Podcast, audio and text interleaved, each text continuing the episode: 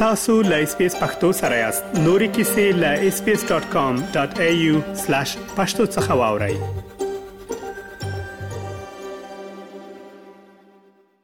په انګلیسي ژبه پوهیدل او خبرې کول کولای شي په استرالیا کې ستاسو د ژوند کیفیت لوړ کړي. اس پی اس د انګلیسي ژبې د زده کړې پودکاسټونه لري.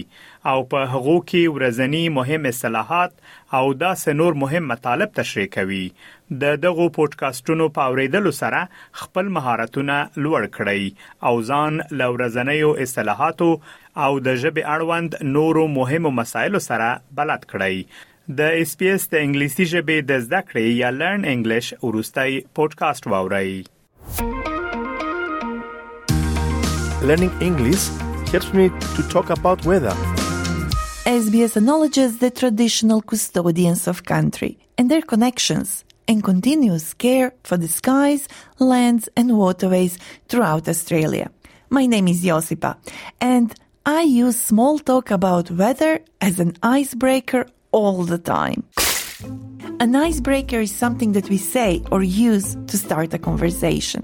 Any topic can be used as an icebreaker, but the most common one is weather. Now, I'm sure you have noticed that there has been a lot of talk in the news about climate change and weather related problems. So, in this episode, we are going to practice small talk about extreme weather. Small talk is casual conversation about everyday topics that are not likely to cause disagreements. Small talk is one of the best things to learn when you're learning English. It helps you start conversations and gives you more opportunities to practice. Alright, so let's picture an extremely hot summer day. The sun is shining brightly in the sky, and the beach seems like the perfect place to be. At a bus stop, Alan is waiting for a bus when Claire arrives. Phew. It's a scorcher, isn't it? Oh, I know. I feel like I'm melting. It's been over a week. When are we going to get a break? Who knows? The forecast says this will be the hottest summer on record. Really? I hope we don't have any bushfires. Bushfires. That's a word we often hear in Australia. But first, let's go back to the beginning of the conversation when Claire mentioned. It's a scorcher, isn't it? It's a scorcher is an informal expression that we can use to describe an extremely hot day. There are many other expressions we can use to say the same thing.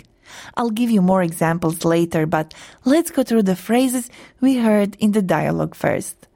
Alan said, I feel like I'm melting. Have you ever been so hot you have felt like you are melting? If you say this, you might feel like an ice cream melting in the sun hot and uncomfortable. Alan also asked, When are we going to get a break? Here, Alan is asking when the situation will improve or change. In this context, a break means a relief from the hot weather, a period of cooler temperatures or more comfortable conditions. The forecast says this will be the hottest summer on record. A forecast is a prediction or estimation about what is likely to happen in the future. Here, Claire is talking about a weather forecast. In Australia, the weather forecast is provided by the Bureau of Meteorology, sometimes known as the Bureau or BOM, BOM. You might hear people saying, What does the BOM say? Which just means, What is the weather forecast? The forecast says this will be the hottest summer on record. And on record refers to historical data or information that has been collected and documented over time. So the hottest summer on record means that it will be the warmest summer ever recorded in history. I hope we don't have any bushfires. Bushfires, also called wildfires or forest fires are uncontrollable fires in nature like forests, grasslands, and wild areas. They can be extremely dangerous and cause a lot of damage. As I said before, there are a lot of phrases we can use to say that it's extremely hot. In Australia, we love talking about the weather, so we have lots of ways of doing it. Try these phrases yourself the next time it's really hot. It's sweltering. It's a real sizzler. A sizzler comes from the word sizzle, which we use to describe the sound of something frying in a very hot pan. The word sizzle sounds a bit like the actual noise of the food cooking, doesn't it? This heat wave is too much. A heat wave is a long period of extremely hot days. If it's been hot and dry, meaning no rain for a long time, this is called a drought. During a drought, the land becomes dry and it's hard for crops and animals to get enough water. Now let's talk about the other extreme. Storms and floods. Floods happen when it rains a lot and the water can cause damage to roads and homes. Let's imagine it's been a week of heavy rain, and Alan and Claire are driving home right in the middle of a thunderstorm. It's raining cats and dogs. Yes, it's quite a downpour. This rain doesn't seem to be letting up. I heard that flood prone places near the town are being evacuated. I hope we can get home and there is no flash flooding on the road. Fingers crossed the rain eases up soon. Oh, I just love working with Alan and Claire because they help me learn. Just when I feel comfortable with the English language, they show me phrases that I've never heard before. Have you heard of the phrase Claire used at the start of the dialogue when she said, It's raining cats and dogs. It's raining cats and dogs is a funny way to say that it is raining very hard. Of course, cats and dogs cannot actually fall from the sky. At least I have never seen that. So this is just a fun expression you can use to describe heavy rain. Yes, it's quite a downpour. This rain doesn't seem to be letting up. A downpour is when the rain is very heavy. And if the rain doesn't seem to be letting up, that means that it is not stopping or getting any lighter. I heard that flood prone places near the town are being evacuated. A flood prone place is an area that is likely to flood when there is too much rain. When this happens, people might be asked to evacuate, that is, to leave or move to safer areas. The evacuation is done to keep people out of danger and protect them from the flooding. Claire also said, I hope we can get home and there's no flash flooding on the road. Flash flooding is when the rain is really heavy in a short period of time and the flood happens suddenly. If there is flash flooding on the road, it can make driving very dangerous. Fingers crossed the rain eases up soon. This means that Alan hopes the rain will become lighter or stop. I think it's really important to understand how to be prepared for extreme weather like flooding, drought, and bushfires. SBS has information in over 60 languages to help you understand what to do in these extreme weather situations. You can find this information on our Australia Explained website, which has articles and podcasts in your language. And joining us today is Maram Ismaili, my dear colleague and content producer of Australia Explained. Hi, Maram, how are you today? I'm good, thank you. How are you, Josipa? I'm good, and um, I wanted to ask you can you please explain to our audience what kind of content can they find on the Australia Explained website?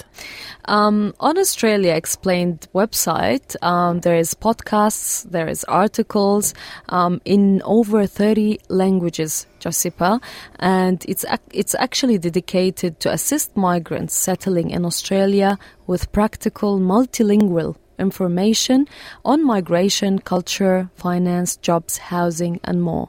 Can you give us some example? Yeah, sure. So part of the offering that Australia Explained um, provide to the listener or to the audiences um, essential information to navigate emergencies and nature disasters such as extreme weather hazards. Um, so communities need to have systems in place to understand risks and react to emergencies. Um, for example, um, like I'll go into details, Australia's national fire danger rating system is an excellent example of this. Um, it's a warning system to inform residents and first responders of what conditions to expect next. So, if you're interested in learning more about how to prepare for different emergencies, check out the podcast episode that goes through severity levels and what actions to take in, you know, um, heat waves, for example. So, I must also mention that Australia Explained podcast emergency Essential series won the EMPA Award for Excellence in Emergency Communication. It consists of 10 episodes and you can check it out on our website www.sbs.com.au slash Australia Explained. That's great, Maram. Now, can you please help us repeat the phrases we practiced in this episode? Sure. What is an icebreaker?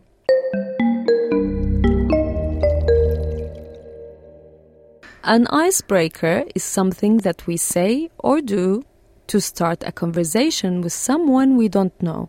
What is a heat wave? A heat wave is a long period of extremely hot days. Now listen carefully and repeat after Alan and Claire. First, the phrases to talk about extreme hot weather. Phew, it's a scorcher, isn't it? I feel like I'm melting. This heat wave is too much. It's a real sizzler. We also covered some phrases to talk about heavy rain. It's raining cats and dogs. It's quite a downpour. This rain doesn't seem to be letting up. I hope the rain eases up soon. On our website, sbs.com.au slash learn English, you can find more phrases and practice your listening and understanding skills with our quiz. You can also find us on Facebook. We are SBS Learn English. I'm Josipa. Thank you for learning English with me. SBS Learn English helps Australians to speak, understand, and connect.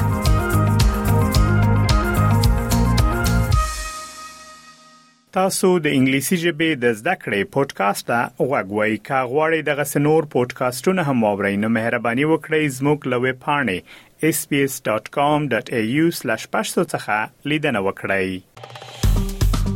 کا غواړئ دغه سنوري کیسې هم واورئ نو د خپل پودکاسټ ګوګل پودکاسټ یا هم د خپل خاكي پر پودکاسټ یو اورئ